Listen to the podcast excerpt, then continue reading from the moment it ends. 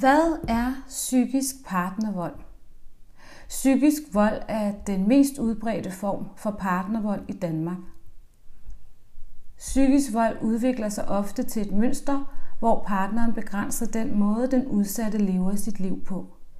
Det kan for eksempel være ved gentagende gange at manipulere, nedværdige eller krænke sin partner, kontrollere hvem partneren må ses med, tøjvalg eller hvad partneren spiser, læse partnerens sms'er eller tjekke profiler og adfærd på sociale medier, presse partneren til at have sex, når partneren ikke har lyst, tro med at skade sig selv, hvis partneren vil stoppe forholdet.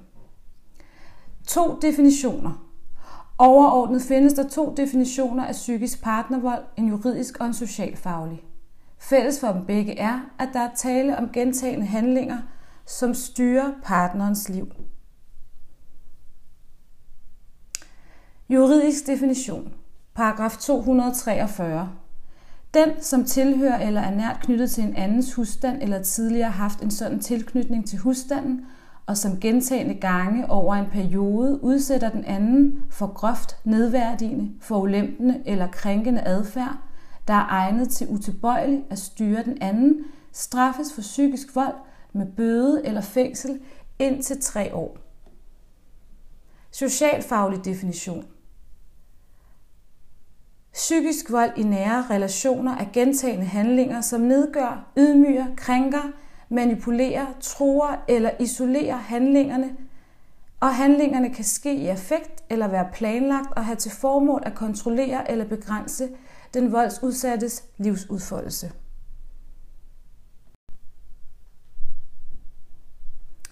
Psykisk partnervold er mere udbredt end fysisk. Kvinder er mest udsat.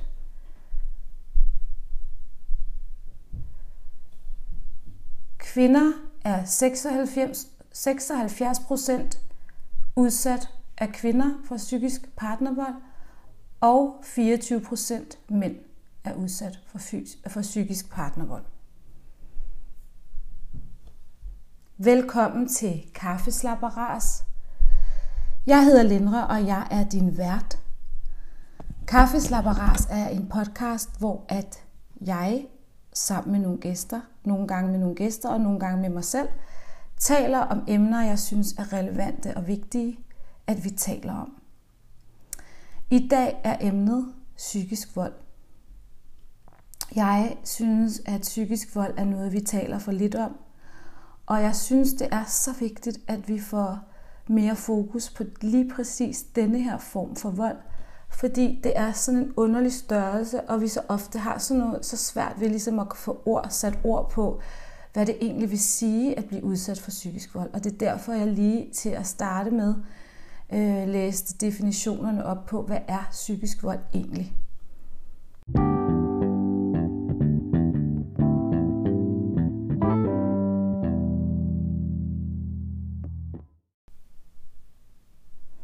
Så for mig er det vigtigt at tale om psykisk vold, og det er det også særligt, fordi at jeg selv har været et offer for psykisk vold, fordi jeg har været øh, on and off sammen med en mand igennem 8 år, som har været psykisk voldelig øh, over for mig.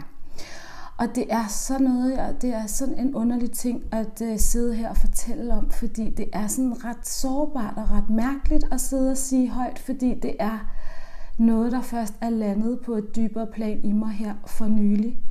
Og det skete rent faktisk, fordi at jeg hørte en podcast, der hedder Dysfunktion, som øh, tog udgangspunkt i kvinder, som har været øh, sammen med et menneske, der har været psykisk voldelig over for dem, og de fortalte ligesom, det, det var ikke det tog ikke udgangspunkt i deres partner, der havde været psykisk voldelige. Det tog udgangspunkt i dem, og hvordan de ligesom havde oplevet den her psykiske vold, og hvad det egentlig vil sige. Fordi da jeg hørte deres eksempler på noget deres, øh, det var som mænd, det er også, mænd kan også være udsat for psykisk vold, så det er ikke altid bare øh, kvinder, der er det. Men i det her tilfælde var det mænd, der havde været psykisk voldelige over for deres øh, kvinder. Øh, og da jeg hørte de her eksempler, og kunne genkende mig selv i det, som kvinderne snakkede om, fordi det her podcast tog udgangspunkt i kvinderne, der var det, der faldt noget på plads i mig, fordi øh, jeg har igennem helt fra første færd, da jeg lærte den her mand, lad os kalde ham Jan, da jeg lærte Jan at kende for otte år siden, der har jeg fra starten af oplevet, at der var sådan nogle røde flag, faktisk allerede på første date. Det vender jeg tilbage til. Men pointen er det, jeg vil sige, det er vigtigt for mig at sige, at jeg har været rigtig ærlig omkring, hvad ham Jan har sagt og gjort, i forhold til at dele det med mine veninder. Jeg har også delt det med en, først en terapeut og sidenhen en anden terapeut. Øhm, og jeg har delt det med min far, og øhm, jeg har altid været ærlig omkring, hvad det er, han har gjort og sagt. Øh, og synes, det var helt vildt langt ude, og tænkte, det er jo helt vanvittigt det der, og det, det, det er jo fuldstændig unormalt og, og, og mærkeligt. Men det har stadig ikke fået mig til at gå. Øhm, og det er også derfor, jeg gerne vil lave, jeg gerne vil tale om psykisk vold i dag. Det er også for at gøre op med nogle af de fordomme, som jeg oplever, der eksisterer, når man tænker på, hvem det er, der er i et offer for et psykisk vold. Hvem er det, der er i et psykisk voldeligt forhold? Øhm, fordi jeg har ikke oplevet, at jeg havde, øh, at jeg ikke har selvværd, eller at, og jeg har heller ikke oplevet, at det er et mønster, jeg har haft med mig. Jeg har haft gode mænd i mit liv. Jeg, min første kæreste var helt vildt fantastisk dejlig, og øhm, nummer to var fuldst, også virkelig dejlig, og nummer tre var min børns far, og også virkelig god. Og har aldrig oplevet at være i et forhold med et andet menneske i en nær relation, øh, som har været på denne her måde, som Jan var. Så det var nyt for mig. Så øh, det at høre nogle andre fortælle om at komme med eksempler, det gjorde altså udfaldet. Øh, selvom jeg har talt med veninder og terapeuter om de her ting, Jan har gjort og sagt og, og, været over, og måden han har været over for mig på. Og også defineret det og sagt, da jeg kan huske en af mine veninder engang sagde, at det er jo psykisk vold, vold det der. Og jeg var sådan, ja, det er det nok. Og vi har også snakket om narcissistiske træk, og vi har talt om forstyrrelser og alt muligt, uden jo at kunne diagnostisere, for det, det er vi jo ikke kompetente til, men vi har virkelig snakket om det, og mange, nogle af mine veninder også øh, altså har ret meget erfaring med sådan noget, de arbejder med det. Øh, så, så det er ikke fordi, jeg ikke har tænkt de tanker faktisk fra start af. Men det var altså først, da jeg hørte de her eksempler for de her kvinder, hvor det virkelig landede i mig. Og det er derfor, at jeg mener, det er rigtig vigtigt, at jeg blev ligesom inspireret, fordi jeg genkendte så meget og blev så klar på nogle ting ved at høre den podcast til at lave en podcast, hvor jeg deler min historie og kommer med eksempler på, hvad jeg har oplevet. Så det bliver det, jeg kommer til at gøre i dag. Jeg kommer til at tale om de her eksempler øh, og, øh, og fortælle om, hvad det var, der foregik i mig, og også hvorfor jeg ikke gik. Fordi det er sådan, med, med, med når man er udsat for psykisk vold, det kan kun fungere. Psykisk vold fungerer kun, når den, der er offer for det, ikke går. At, og det vil sige, præmissen for at, at, at være udsat for psykisk vold er jo, at man bliver ved og ved at gå tilbage eller blive, fordi det, det, det er den måde, man deltager i den dynamik. Så, øhm, det der var, altså det, jeg vil også gerne øh, lige sige, at det kommer til at være i kaffeslapperas, der kommer der til at være det her første episode, og det handler som sagt om psykisk vold, min historie, og så kommer anden episode på onsdag, og det handler stadig om psykisk vold, og der har jeg inviteret øh, min veninde i studiet, fordi at øh, jeg gerne vil snakke med hende om, hvordan det egentlig er at stå på sidelinjen og virkelig tæt på se sin veninde eller ven være offer i, for et, et menneske, der simpelthen ikke opfører sig ordentligt øhm, og er psykisk voldelig, og hvordan det er at, at håndtere det og at kunne være i det. Så jeg vil gerne øhm, tale med hende i næste episode af Kaffeslapperas på næste onsdag om, hvordan hun har oplevet det. Og det bliver også interessant og, og, og sårbart på en måde, fordi det, øhm, det kan jo godt gøre lidt ondt at høre for mig. Men øh, i dag der er det så min historie, øh, jeg gerne vil tale om. Og jeg vil starte med at sige, at øh, det, der foregik i det her forhold for mig, det var, at mine grænser blev rykket mere og mere og mere. Og det, der har, jeg har brugt allermest tid på igennem alle de her otte år, fra jeg mødte Jan, det er at være forvirret. At være fuldstændig forvirret om, hvad der foregik. Og hele tiden prøve at afværge drama. Og det, der også skete, det var, at jeg blev øh, virkelig usikker på min egen virkelighed. Fordi den måde, som Jan han har reageret på mig på, og de ting, han har gjort og sagt, de har været så øh, unormale og så grænseoverskridende for mig, og så usunde, som jeg ser det. Og for ham har det været helt normalt. Det har været sådan, man skulle være i et forhold. Det har han synes var helt okay. Så når der står et menneske og synes, hans adfærd er fuldstændig okay, så, øh, så kan du blive rigtig meget i tvivl om, om din virkelighedsopfattelse egentlig er rigtig. Og det der også er, når man er i sådan en psyke, altså det der også var for mig, det var jo, at jeg blev forvirret, jeg blev usikker på min egen virkelighedsopfattelse, og så var det, at alt blev vendt og drejet, så der blev aldrig taget ansvar over ved ham. Det, det var altid mig, der skulle gøre noget. Det var altid sådan, at, at, at den, den blev vinklet til, at det var mig, der egentlig havde ansvaret for det drama, der var foregået. Øhm, og, og det der også var, øhm, det var, at hvis, hvis jeg havde en holdning meget hurtigt i, i forholdet, der lærte jeg, at hvis jeg satte en grænse, og det lærte jeg sådan helt subtilt, så var der en konsekvens over i den anden, hos den anden, hos Jan. Hvilket betød, at jeg erfarede, at der var konsekvenser, hvis jeg sagde fra og til, ud fra hvad jeg synes var grænseoverskridende eller ikke grænseoverskridende. Og derfor så blev min grænse rykket. Okay, men jeg vil starte fra start. Jeg mødte Jan øh, ja, for otte år siden, og jeg kan fortælle, at allerede på første date, der, øhm, der var der noget, jeg tænkte over. Og det er også det her med, at jeg skal sige, at der, er, der var røde flag på første date, og der var også røde flag på anden date. Øhm, men det der er, det er, at de her røde flag, jeg vidste jo ikke, hvad det var. Jeg vidste ikke, det var øh, narcissistiske træk eller forstyrret øh, adfærd. Jeg kunne bare se, jeg, jeg tænkte over, at det var underligt. Øh, og jeg kommer med eksempler lige om lidt. Jeg tænkte over, at det var underligt, men samtidig så var der også noget, fordi jeg er et menneske, der altid har været nysgerrig på andre mennesker. For mig, jeg elsker at kommunikere, jeg elsker at, at høre, hvad andre mennesker har at sige. Jeg elsker at se bag om, om hvad de siger og prøve at forstå. Jeg elsker øh, noget, der er anderledes og atypisk. Og det var denne her adfærd. Så selvom den ikke var sådan særlig positiv, så var den alligevel dragende, fordi det var jo interessant. Jeg var jo nysgerrig på, hvad var det her for noget? Så jeg blev draget af noget, jeg ikke kunne genkende, noget ukendt. Og det synes jeg var spændende.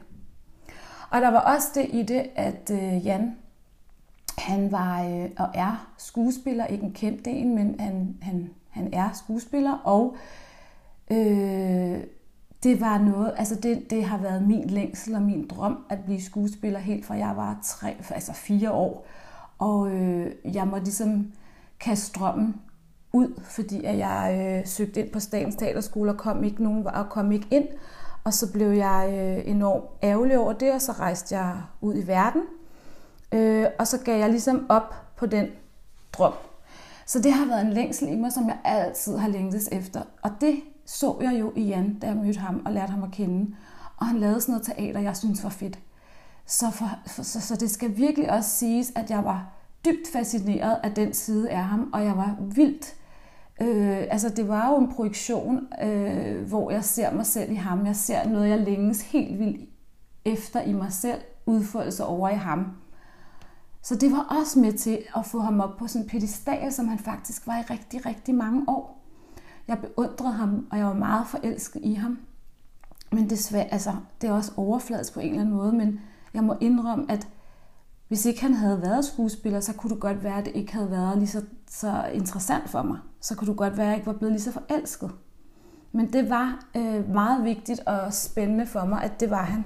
Øhm, og så er der også, så havde vi også efter noget tid sådan en oplevelse, sådan en åndelig oplevelse, som gjorde, at, øhm, at jeg blev sådan, vi sad over for hinanden og havde, øh, havde haft et eller andet drama. og så lige pludselig, så var det som om, at der blev helt stille i rummet, og så så vi bare hinandens øh, sjæl, altså kan man sige. Det var fuldstændig sådan, der var, ikke, der var bare kærlighed. Og det var noget, vi begge to oplevede. Og øhm, altså, han var nede på gulvet og sige tak, og jeg var sad bare helt sådan, det var, det var sådan en ret vild oplevelse. Og øh, jeg tror stadig, at det var en ægte oplevelse, vi havde sammen på sådan et åndeligt plan. Og den bevirkede altså, at jeg fik ham puttet op i sådan en kasse, der hed, det er min sjæleven, det er min soulmate, det er min twin flame. Så der var altså forskellige faktorer, der spillede ind, udover at, øh, at jeg reagerede på, at der var noget, der var sådan anderledes og dragende, som jeg så dengang ikke vidste var forstyrrelse og narcissistiske træk. Og det der så, altså nu vil jeg så komme med nogle eksempler på, øh, hvad det var, der, der som, som, som er et, et, altså som er psykisk vold. Altså det, de, de ting, som jeg kommer med nu, de har en effekt øh, altså på den person, det går ud over, hvad kan man sige, som er psykisk vold. Og, øh, for eksempel så øh, den anden date, jeg var på, der hvad hedder det, øh, der var vi på, på date, og det var sådan en impulsiv date. Og jeg siger de her eksempler, fordi det var noget af det, der var allerbedst for mig at høre. Det der med at kunne simpelthen helt konkret høre, at det der, gud, det ligner det, jeg har oplevet. Så det er derfor, jeg har valgt at komme med specifikke eksempler. Øhm, vi var på anden date, og det var sådan noget med, at jeg havde været inde i Kongens Have, og så fik jeg en sms, og vi skulle egentlig mødes næste dag først. Og så spurgte Jan, om jeg kunne ses nu, fordi sådan lidt impulsivt, og så kunne vi få en øh, kaffe i Poricos i Fjolstræde, og det sagde jeg, det kunne jeg godt. Og vi har altså kun været på en date før det, ikke? Og så kommer jeg ind, og så sidder vi, og det er sommer, og jeg har øh, bare ben, og det har Jan også. Og så sidder vi sådan med benene ret tæt på hinanden. Og så er Jan, han er altså dansker, og jeg er adopteret fra El Salvador, så jeg er mega brun om sommeren. Og øhm, så sagde jeg, fordi vores ben de sad helt ved siden af hinanden, og det var så skægt, fordi de var, altså mine ben, lovbasser, var helt brune, og hans var helt blege og hvide. Og så sagde jeg black and white, og så smilede jeg til ham og pegede på vores, øh, på vores mine lovbasser og hans ankler. Og så, øh, og så sad han bare, og han sagde ikke noget. Og så gik der ikke særlig lang tid, og så rejste han sig op, og så gik han. Og det, det, jeg, altså det er jo, der blev jeg jo forvirret. Jeg blev, øhm, jeg, jeg, altså det, det der kan man jo ikke gøre, men det gjorde han så. Var det, så, så når han kan gøre sådan, er det så fordi, at jeg er helt ude i hampen, og det var totalt tavligt, det jeg sagde, selvom jeg på ingen måde havde tænkt det sådan. Var det, var det mig, der var gal på den? Det var sådan, jeg sad og tænkte. Øhm, og så, så skulle vi jo ses næste dag ude ved ham, og så ringede jeg faktisk til ham, jeg skulle ind på Nørrebro og til noget grillparty med min veninde, og vi skulle ind og handle noget ind i Netto. Og så ringede jeg til ham og sagde, om hej, jeg vil bare sige, jeg, jeg går ud fra, at jeg ikke skal komme ud til dig i morgen, fordi ja, altså, du gik jo, så jeg tænker, det var, that's it, det var så det. Så vil jeg bare lige sige hej hej, og ja, nå. No. Øh, og så sagde han, nej, nej, øh, jeg, kunne da, jeg skulle da stadig komme derud, og så fortalte han om et eller andet med, at mm, jamen, man skulle jo lige lære hinanden at kende, og det havde bare været lidt underligt, og han havde også... Og så, jeg kan huske, at det var sådan lang tid, sådan, jeg prøvede ligesom at komme videre, men han snakkede og fortalte, begyndte at sige noget om, at det også fordi, han havde haft det svært i barndommen, og han var blevet mobbet, og det kunne være derfor, han reagerede så stærkt. Og jeg var sådan, åh oh, okay, fair nok, selvfølgelig, altså det kan vi alle sammen jo. Og, og derfor så, øhm, så gik jeg ikke. Altså, jeg, jeg sagde ikke, øh, det der skal jeg ikke i nærheden af. Så det gjorde jeg ikke. Og, øhm, og så kom jeg så ud til ham næste dag. Og så var der også et andet, altså et andet, øh, en anden ting, og det var, at vi havde ikke været kærester særlig lang tid, og så skulle jeg til eksamen.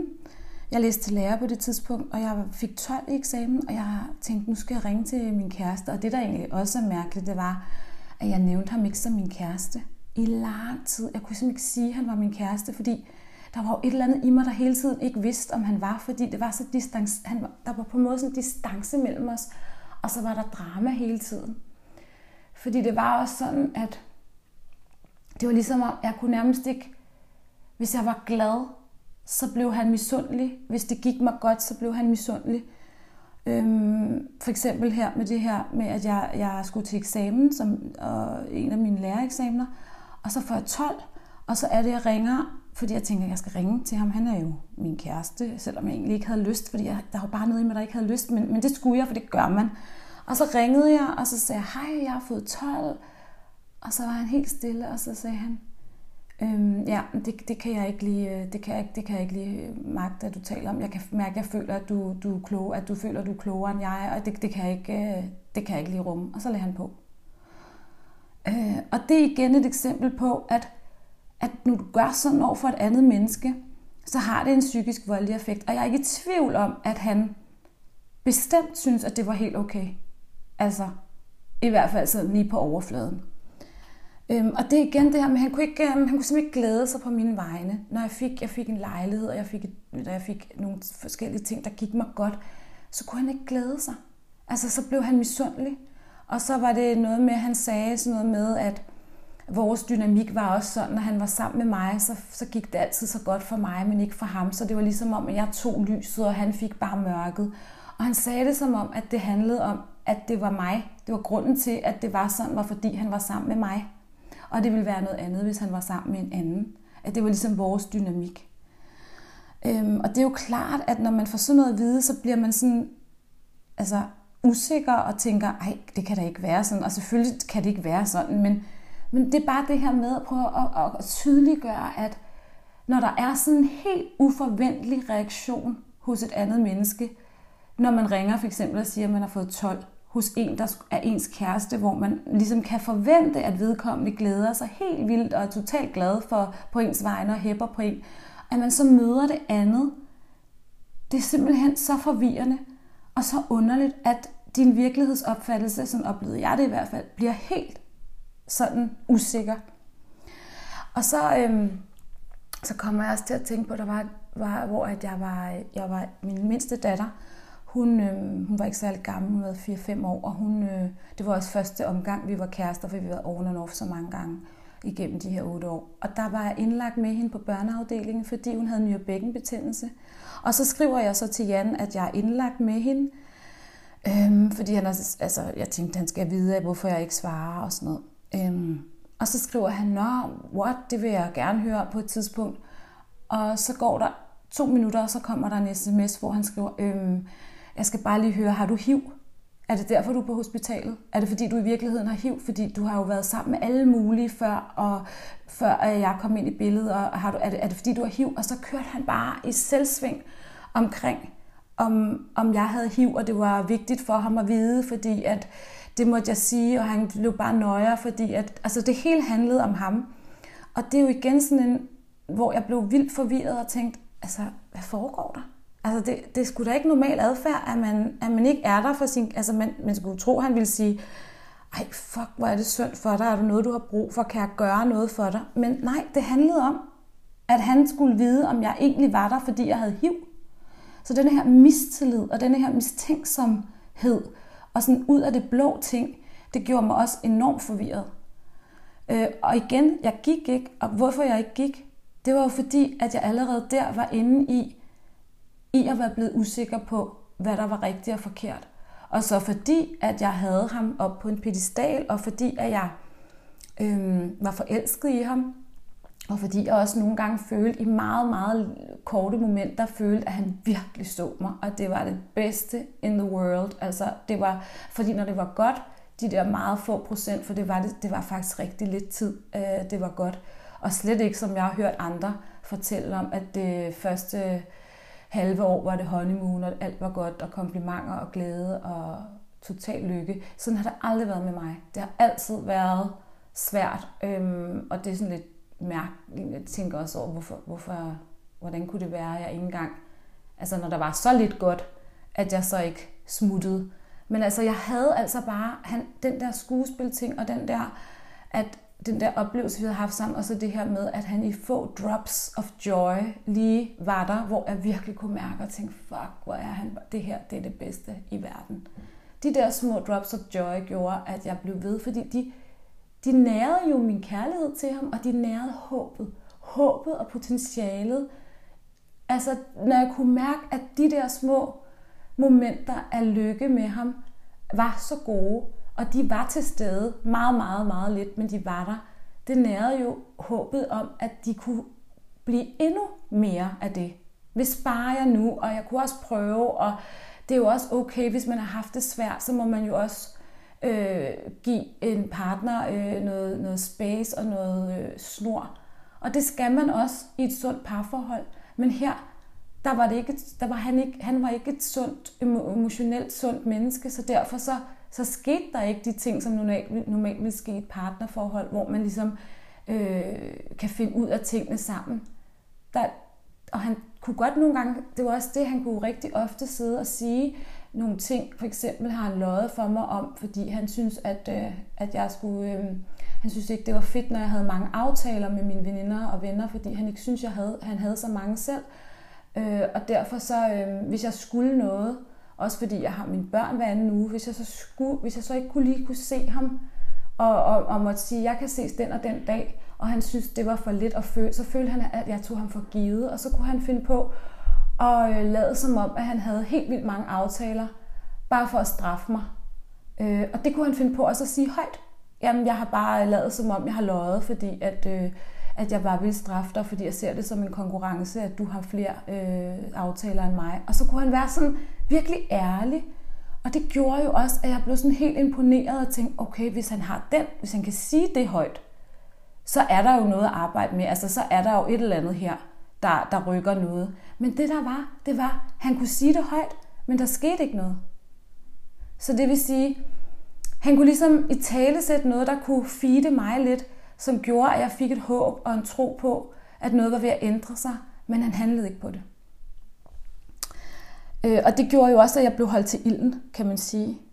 Øhm, og så var der, øhm, så har der været øhm, et eksempel her, jeg har, øhm, hvor at det var et vildt sådan stort eksempel, og det gjorde faktisk, at vi begyndte til øh, parterapi sammen. Øh, vi har en gang før, vi har to gange været til parterapi. Den første gang var vi der to gange, og det var, øh, hvor vi havde været kærester ja, otte måneders tid eller sådan noget. Øhm, og der var det hos en terapeut, jeg havde gået hos før. Øhm, og, og denne her terapeut siger faktisk til Jan, anden gang vi er der, øh, han lytter til Jan, og, og som taler om sin jalousi, og, og så siger parterapeuten til Jan, jeg tror ikke, du er i stand til at være i et, øh, en tæt relation med et andet menneske på nuværende tidspunkt i dit liv. Jeg tror, du bliver afviklet i stedet for udviklet. Øhm, så hvad med at aftale, at, at, at, at det stopper her, og, og så kan du kontakte Lindre, hvis du har lyst til at være sammen med hende og kan rumme det. Øhm, og ses på den måde, så I ligesom, så hun ikke skal kontakte dig.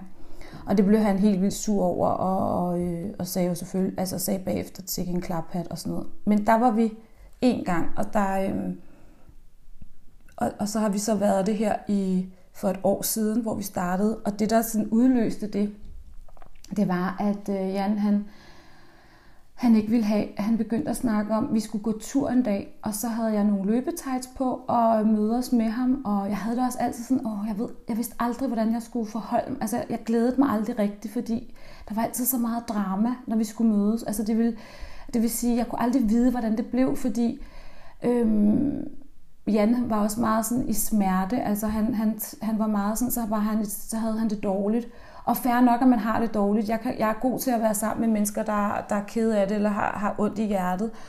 Det kan jeg sagtens være med mine venner og veninder øh, og familiemedlemmer. Men det, der var forskellen i forhold til Jan, det var, at når han var sammen med mig og havde ondt i hjertet og smerte, så var han ikke venlig mod mig, og han var ikke imødekommende mod mig.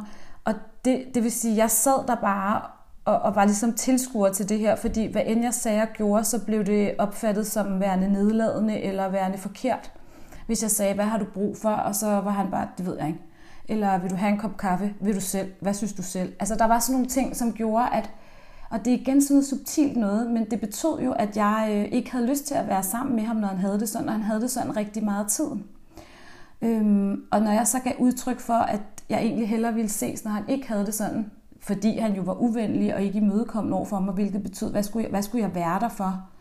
Så, øhm, så sagde han til mig, at hvis ikke vi kunne være sammen, når en af os havde det dårligt, så kunne vi jo ikke være sammen overhovedet. Altså, så, så kunne vi jo aldrig ses, fordi så kunne det jo være, at han havde det dårligt, og jeg havde det dårligt, så, så kunne vi bare ikke være sammen, fordi så ville der jo ikke være noget forhold.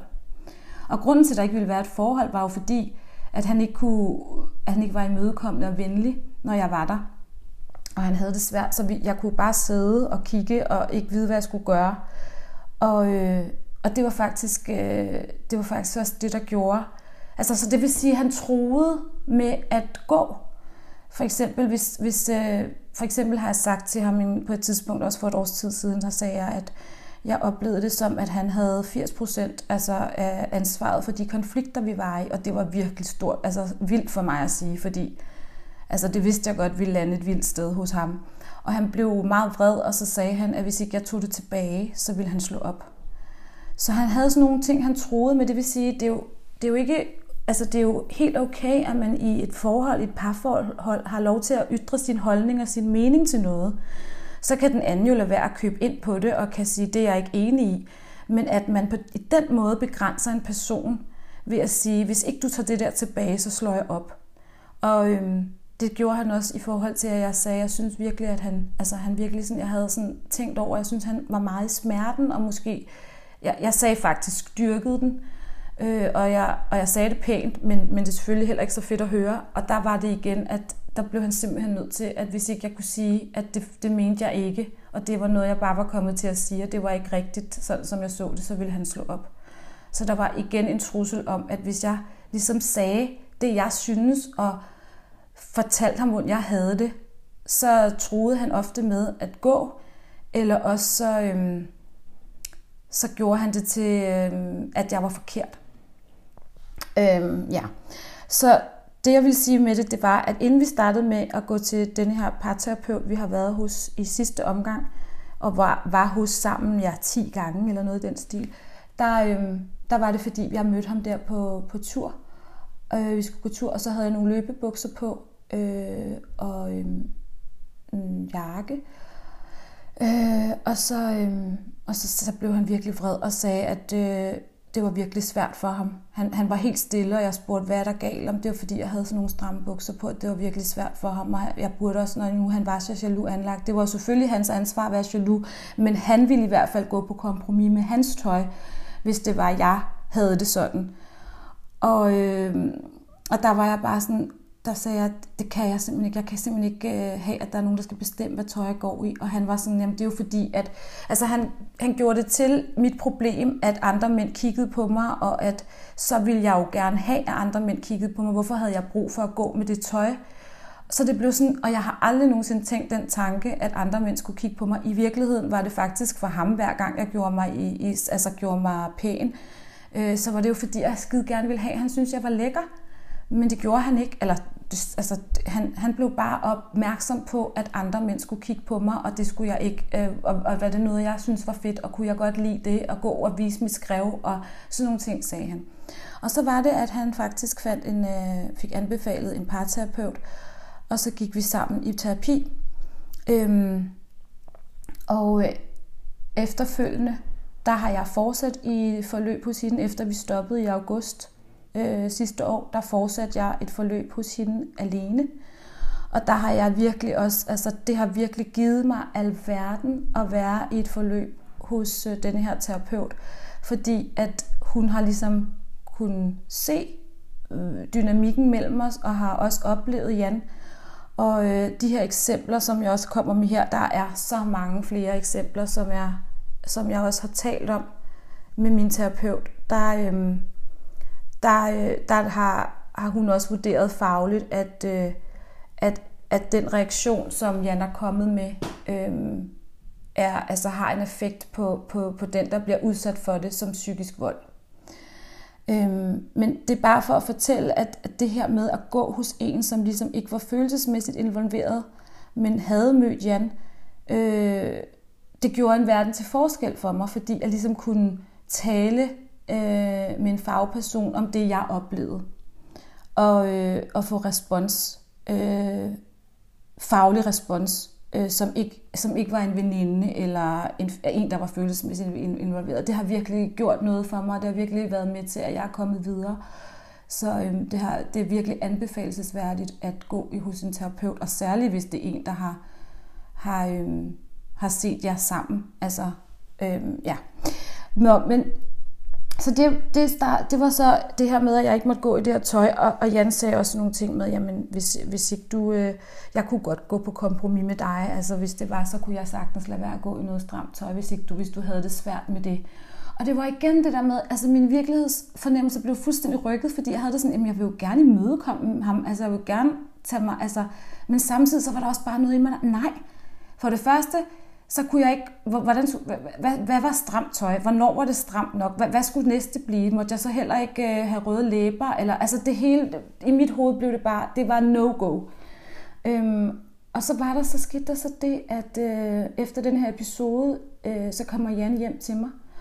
Og jeg kan simpelthen ikke forstå, hvorfor at han tager så lang tid om at komme op, efter han har ringet på ned på dørtelefonen. Og så kommer han op, og så har han klædt sig ud så har han små shorts på, og han har simpelthen slæbt puder med hjemmefra. Fordi jeg så ham komme kørende på cyklen ud af mit vindue. Og han ringede også op og sagde, at jeg skal lige snakke i telefon, så kommer jeg. Og jeg var sådan, okay.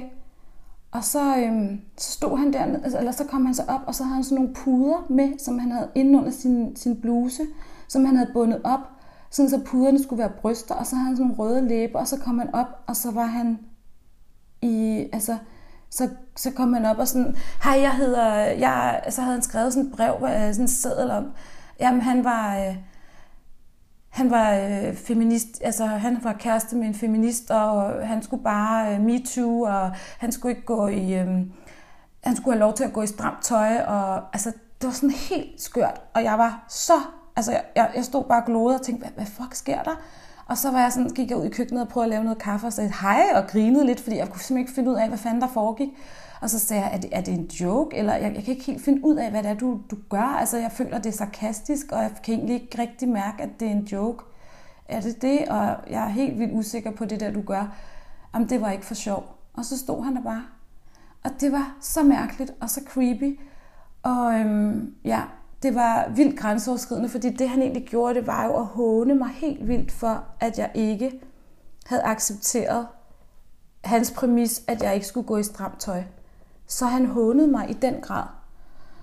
Øhm, og det er igen det her med, det, det der også kendetegner psykisk vold, som jeg også lige læste op i starten i indledningen, det her med, hvad er det egentlig, hvad er definitionen på psykisk vold? Jamen det er jo også, at man planlægger og nedgør den anden.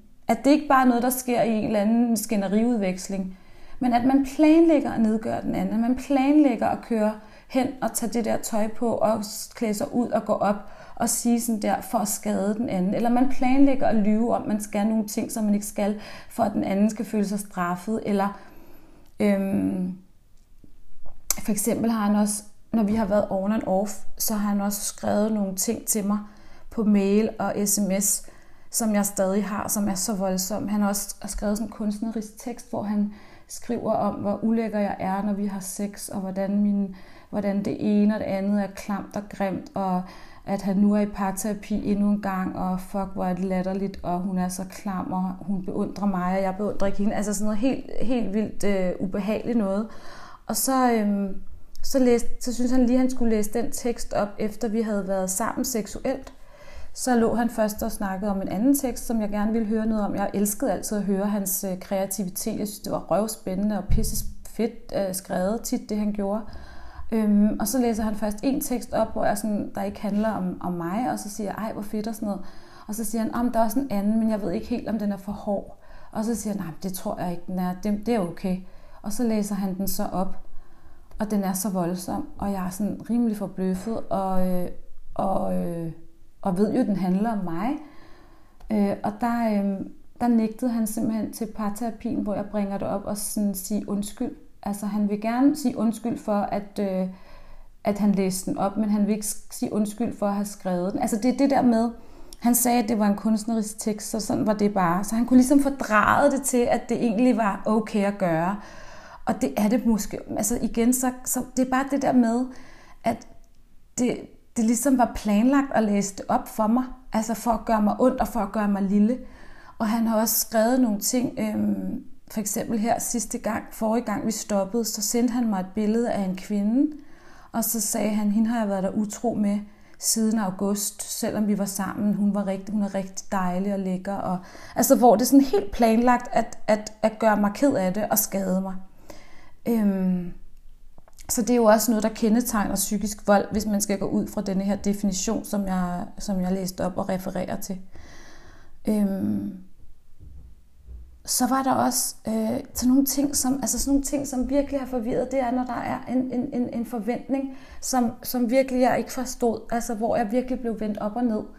Og det var, øh, han havde en ven, som havde mødt mig, og så kan jeg huske, at han fortæller mig, at øh, hans ven, lad os kalde ham Ole, han, øh, han, han, Jan fortæller, at Ole har sagt til Jan, Øh, ej, hende der Lendra, hun er sgu en dejlig kvinde. Hende tror jeg fandme er god for dig, Jan. Hun, er sgu, hun, er sgu, hun virker sgu meget oprigtig, eller et eller andet den dur.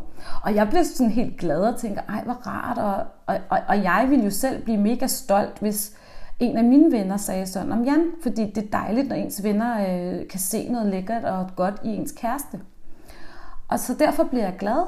Og så siger Jan, fortsætter Jan så og siger, jeg synes, det er så langt ude, hvorfor, altså, som om jeg ikke selv er noget i mig selv, og som om jeg, altså, som om jeg ikke er, altså, det synes jeg bare var mærkeligt at sige. Og det er igen sådan en ting, hvor at der er der noget virkelighedsopfattelse i mig, der bliver helt forskroet indeni, og jeg bliver helt forvirret over, at det er det, han synes. Hvorfor er det, han ikke bliver glad for, at en hans venner synes godt om mig? Og det samme har der været, for eksempel var vi en gang på café, jeg skulle mødes med ham på en café, og så sidder jeg der, og så kommer han ind, og så er han meget stille, og så siger jeg, er der noget galt? Fordi, ja, og så siger han, jeg har det bare rigtig svært med, at du er så smuk. Og der tænker man jo også, ej, det var da dejligt, han synes, jeg var smuk. Men så kommer det, fordi, kan du godt lide at sidde der? Fordi det, kan du godt lide, at alle mændene kigger på dig? Så det blev også gjort til noget forkert. Øhm, og jeg har også på et tidspunkt, så, fordi han, vi snakkede om, at, at han ville synes, det kunne være fedt, at jeg gjorde lidt ud af mig, altså jeg havde lidt make på og sådan noget, så tænkte jeg, så tager jeg make på. Og så havde jeg, øh, vi skulle til sådan et foredrag, så havde jeg sminket mig, øh, rigtig smoky eyes, og sådan var lidt rigtig generet over det, og sådan spændt på det. Fordi det havde han jo ligesom givet udtryk for, at han gerne ville. Det ville jeg jo gerne gøre for ham, fordi jeg ville, ville gerne have, at han synes, jeg var lækker og dejlig. Og selvfølgelig det der bare lækkert at gøre sådan noget for sin kæreste. Og så kom han ind på den café, og så kigger han på mig, og så siger han, wow, nå, okay. Og så, nå, fedt, du er, ja, ja, og okay. Og så går der lidt tid, og jeg kan godt mærke, det, det, er, helt, det er noget helt, en helt anden reaktion, end jeg egentlig havde troet for det, han havde sagt. Og så går der lidt tid, og vi skal over til det foredrag, og så siger han så, kan, kan du mærke, at mænd så kigger rigtig meget på dig nu? Er det, er det sådan der?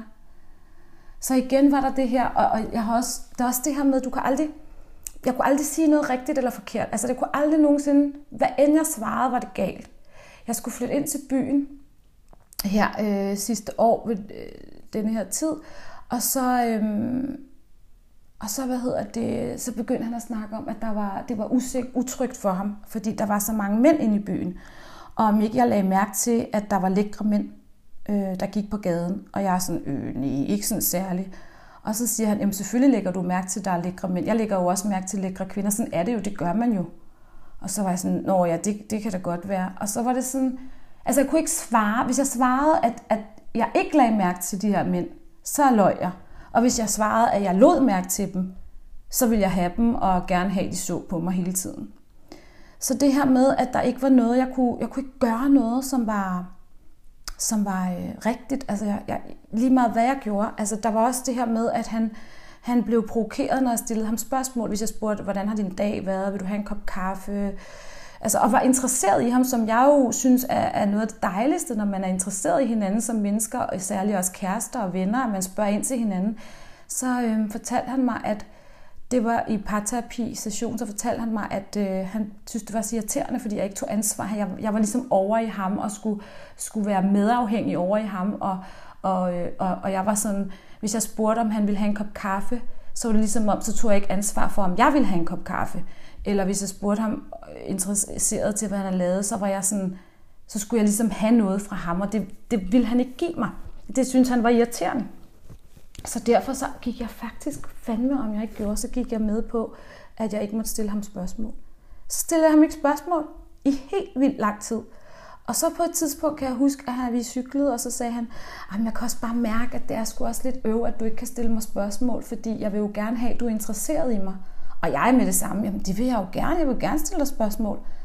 Ej, men det, jamen, det er jo også... Så det, det var igen, altså hvad end jeg gjorde, så var det ikke okay. Og jeg er ret sikker på, at altså, det der også er med det her, det er jo også, at jeg er ret sikker på, at, øhm, at det et, i ham har været normal adfærd, i hvert fald på overfladen, at gøre de her ting, at opføre sig sådan.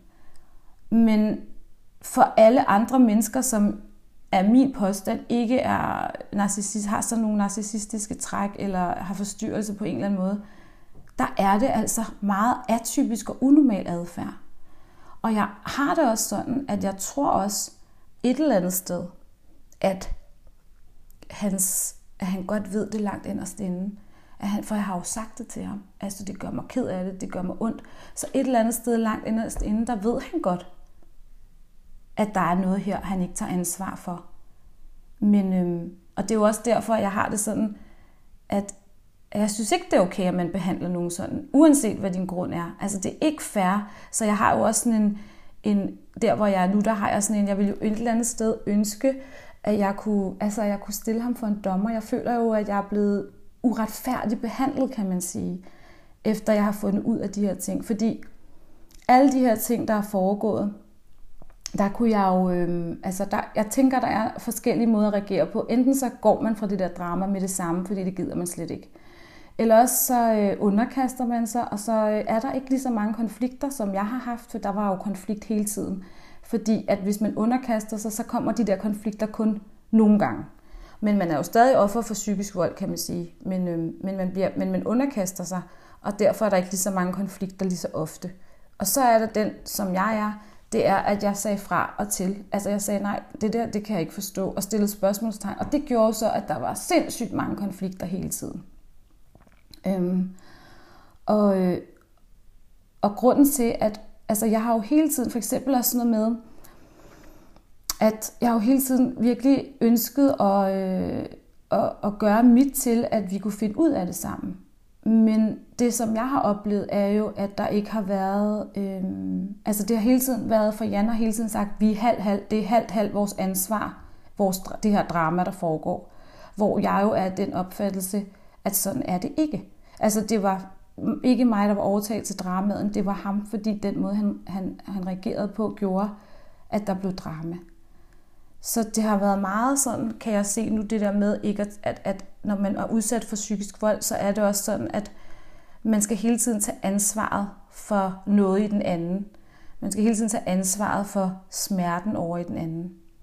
Og, øh, og der, der, der, der tager det altså, det der også er, altså, tager virkelig lang tid at finde ud af det, for det er så subtilt og så småt, og, det, og så, så bliver det langsomt større, man får rykket sine grænser, og virkeligheden bliver mere og mere diffus, hvad er det egentlig, der foregår, og man kan ikke forstå det, og man prøver sig frem, fordi jeg vil jo gerne give min partner, øh, altså jeg vil gerne imødekomme min partner, men når man er sammen med en partner, der ikke er øh, følelsesmæssigt moden, øh, så, så, så, så, så, sker der ikke, så, så sker der ikke nogen forandringer ved, at du imødekommer din partner. Så bliver det bare noget andet. Fordi det der jo også er, det er, at så længe at vedkommende kan, kan gøre dig mindre og tvivle på dig selv, kan vedkommende jo også få lov til at flytte dine grænser, sådan så at vedkommende får det, som vedkommende vil have det. Og jeg tænker også, det er sådan her, jeg kan huske, at øhm, jeg har hørt den her saying, kan man sige, at de eneste, der bliver vrede på dig, når du sætter dine grænser på en kærlig og ordentlig måde. Det er dem, der ikke vil have. Der, det er dem, der får noget ud af, at du ikke har grænser. At du ikke sætter, at du altså ikke sætter dine egne grænser. Og det kan man i den grad sige, at, at sådan er det, når man er øh, sammen med en, der er psykisk voldelig. Så får de virkelig noget ud af, at man ikke sætter sine grænser. Og derfor bliver de vrede, når man gør det, også selvom man gør det ordentligt og, og pænt. Så det her, den, altså, nu har jeg ligesom kommet med eksempler på, øhm, hvad det vil sige, og hvad det har været, hvad det, dels hvad det vil sige at være, øh, i psykisk, altså være offer for psykisk vold, men også hvordan det har været for mig helt specifikt i forhold til de eksempler.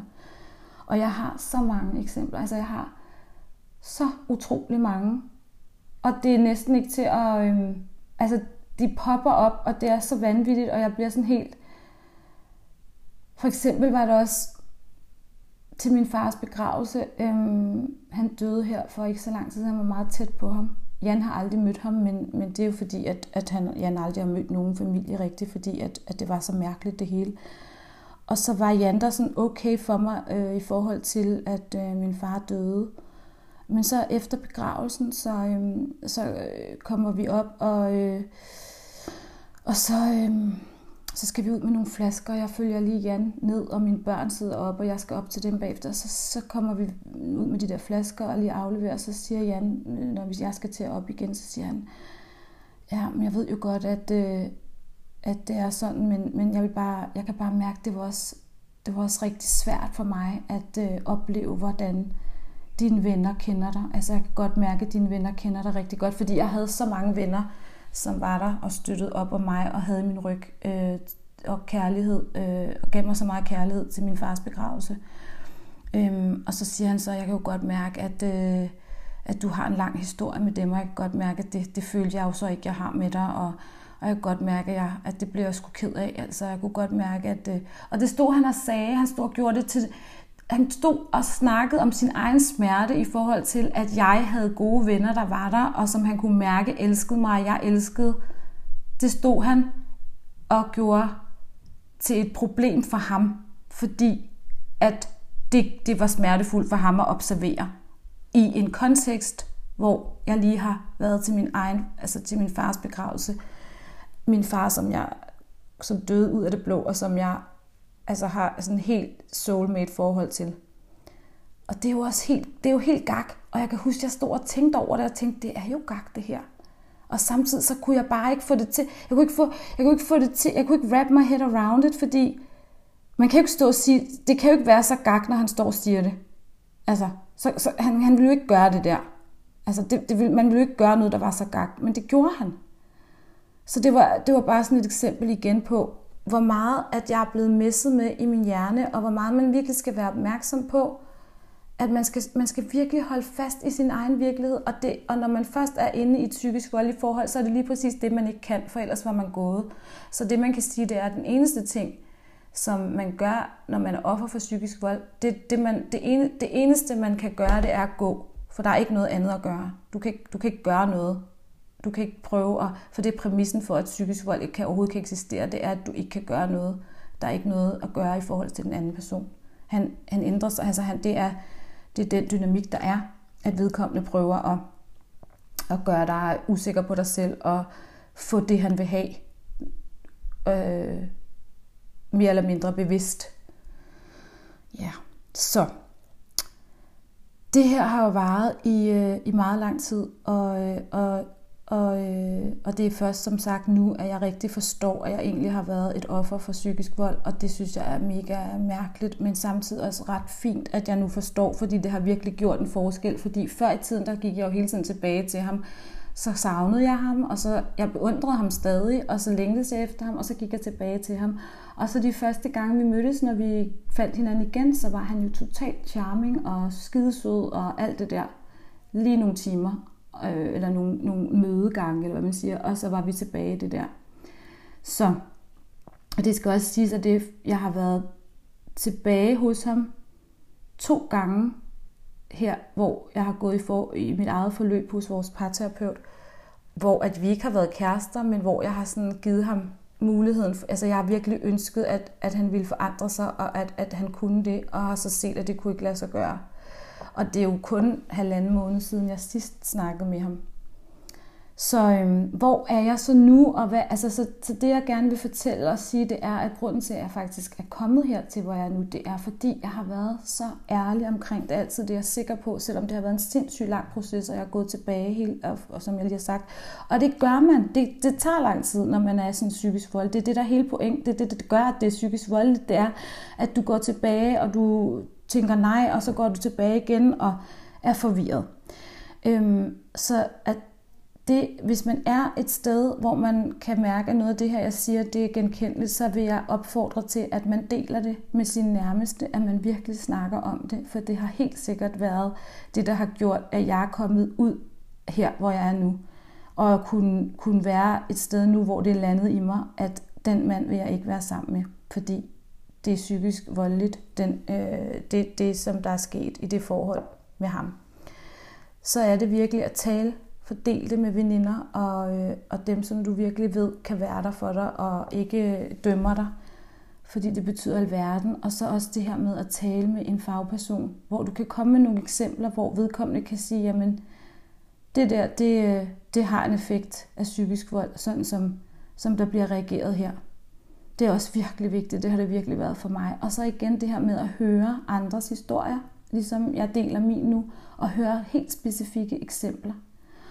Og derfor har jeg det også sådan, at jeg egentlig gerne vil, øhm, jeg kommer til at lave øh, nogle grupper, en gruppe, hvor at jeg inviterer jer, som har øh, psykisk vold tæt på livet, eller har haft det, til at komme i en gruppe, øh, hvor jeg faciliterer. Jeg faciliterer gruppen og holder rummet. Det er ikke terapi, det er ikke behandling. Det er deling og sharing og øh, snak og grin og gråd og hvad der nu måtte opstå, hvor vi deler øh, de ting, vi har oplevet og genkender hinanden i os selv, så vi ligesom kan spejle os i nogle andre. Og så er det et, øh, et gruppeforløb på tre gange, hvor vi hygger os og får kaffe og te og snacks. Og øh, sådan meningen er også virkelig at, at opløfte hinanden. Øh, fordi det kan godt samme eksistere, men både er sådan, shit, det var ikke rart, og så samtidig kan, kan gå fra hinanden og være opløftet. Det er sådan hensigten. Fordi jeg virkelig har mærket, hvor fedt det var at høre den podcast, hvor jeg kunne spejle mig i nogle andre. Øh, og virkelig føle, at gud, det er sgu ikke bare mig, der findes altså andre, der har oplevet det der, og hvor de blev lige så forvirrede. Det har virkelig hjulpet mig meget. Øhm, og så er der det her med, at det er ret fantastisk, fordi lige nu oplever jeg bare at være et, et sted, som jeg aldrig har prøvet før. Og det er, at øh, jeg kan måske forklare det ved at sige, øh, at jeg kørte, jeg skulle, i lørdag så skulle jeg ind og gå tur med min veninde.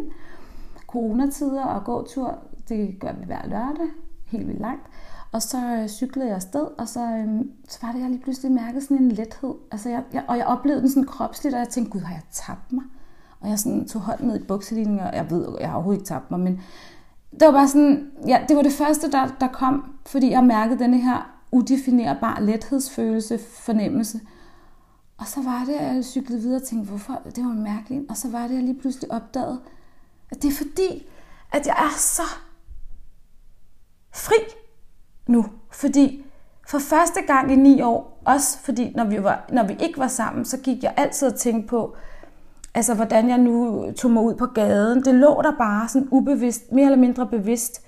Fordi hvad hvis nu jeg mødte ham, Jan, og han så synes jeg var et eller andet, så kunne det være, at jeg, øh, så kunne det være, at min chance hos ham i at komme tilbage til ham og få ham igen, det kunne være, at den så ikke var der mere, hvis nu han så mig gå med en hat, eller gå og, og være helt vildt overglad, eller altså, et, altså det, det er pisse svært at forklare, men, men når vi har været sammen og ikke sammen, så har der altid, det har, han har fyldt så meget, og også når vi ikke har været sammen, har der været det her hele tiden, den her åh oh nej, hvad hvis han ser mig her, eller hvad hvis han ser mig stå og snakke med min ven Pauli, tror han så, at jeg er løs på tråden, eller whatever, altså jeg kan ikke engang beskrive det, men der har været sådan en nervøsitet for at være mig, for jeg har jo egentlig aldrig rigtig været mig sammen med ham, fordi der var så store konsekvenser, når jeg, når jeg var mig, så hvis jeg var det, så ville han enten gå, eller vi ville have drama. Der havde vi så hele tiden alligevel, men jeg har aldrig sådan rigtig givet den gas med bare at være mig, og, øh, og så kørte jeg der på cyklen, og så var det denne her frihedsfølelse, og jeg kunne bare se, og jeg kan mærke, og kunne se, at det var frihed. Det var simpelthen det her med ikke at være nervøs for, at han så mig, og bare kunne, kunne, han, kunne være mig med, med makeup over det hele, hvis jeg har lyst, eller en hat, eller være, Øh, gå rundt i stramt tøj, uden at være nervøs for, at han, jeg skulle møde ham, og han skulle synes et eller andet. Det var simpelthen det, der gjorde, at jeg følte mig let. Det er jo helt vildt fantastisk.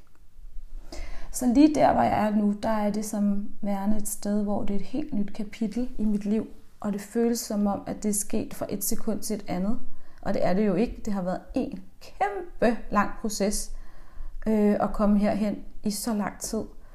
Men det er virkelig øh, fantastisk. Og hvis jeg skal se på det, så kan jeg bare sådan, hvis jeg skal sådan se på det forhold og tænke, hvad, hvad, hvad er det gode ved det? Fordi jeg er overhovedet, altså jeg er ikke taknemmelig over for den, det forhold med ham. Det er jeg ikke. Jeg har overhovedet, jeg synes, det er så langt ude af den måde, han, altså det har været på. Og jeg har jo, som jeg også var inde på før, jeg har haft lyst til at sætte ham for en dommer. Jeg har haft lyst til, at han bliver dømt, altså ikke for en rigtig dommer, men sådan retfærdigheden skulle ske, altså at nogen kunne sige, prøv at høre, det der, du har gjort, den måde, du har opført dig på, er ikke okay. Det er ikke kun Lindre, der synes, det ikke er okay, men det er faktisk ikke okay. Det er ikke sådan, man er over for et menneske, man holder af. Man opfører sig ikke sådan. Når man gør det, så, det faktisk, så har det faktisk en effekt af psykisk vold. Det har jeg lyst til, at han skal vide. Og jeg ved, at han aldrig nogensinde vil synes sådan. Han vil aldrig nogensinde synes andet, end det er mig, der har krænket ham, og det er mig, der ikke kunne finde ud af det, og det er mig, som slog hånden af ham og ikke ville ham. Han vil aldrig nogensinde se det anderledes. Og det har jeg sådan lyst til, at han skal. Så helt, hvad var det, jeg ville sige med det? Det var bare, at, at, øhm, at det at, at være et sted, hvor at jeg samtidig kan føle mig fri, altså sådan det der med at sige, jeg kommer aldrig til at gå tilbage til ham, jeg har ikke lyst til at være sammen med ham, og jeg mærker for første gang, at han ikke fylder på den der måde, hvor jeg er nervøs for, hvad han nu skal synes om mig. Det er det, der er så befriende. Og det er det, der gør en kæmpe forskel. Og, det, og selvom jeg aldrig nogensinde kan få... Jeg har jo en længsel efter, at han skal, han skal forstå, at han har ikke opført sig ordentligt over for mig. Selvom den har jeg ligesom fundet på en eller anden måde, har jeg, jeg er i hvert fald i gang med at finde fred i, at det kommer ikke til at ske. Og sådan er det bare ikke. At han har sin virkelighed, og jeg har min. Øhm, men, men, men, hele, men det jeg også bare vil sige som en afrunding her, det er, at det er virkelig vigtigt, at øh, altså for mig at fortælle om frihedsfølelsen og om at, at, at være her. Man kan godt komme videre, man kan godt komme ud af det, selvom at, at man har gået tilbage 100 gange. Så, det, så er der en gang, hvor man ikke går tilbage. Og, øh, og den gang kommer og man kan, man kan gøre forskellige ting, for at den kommer netop, som jeg sagde, ved at dele den med andre og tale med en terapeut, eller komme i min gruppe. Måske. Så det her var så min historie om, om at være i, i et, et forhold med en menneske, som øh, har været, har gjort ting og reageret og opført sig og haft en adfærd, der har haft en effekt som psykisk vold. Og øhm, den har været svær at fortælle, og jeg ved ikke, hvor rodet det er blevet, men jeg håber, at du har fået noget ud af at lytte. Bare et eller andet. Du må meget gerne like, hvis du har, eller skrive til mig, hvis du har noget at spørge om. Og øhm, det var også første, første episode af Kaffeslapperas, hvor at vi kommer til at tale om alle mulige forskellige andre ting, som jeg synes er interessante og vigtige at tale om. Og som sagt, så er det næste onsdag, at min veninde Hanne er her i studiet, og vi skal tale om, hvordan det var at være på sidelinjen, når man har en kær ven, som øh, er i et forhold, der ikke er godt. Tusind tak, fordi du lyttede med. Det gør mig virkelig glad. Hej hej.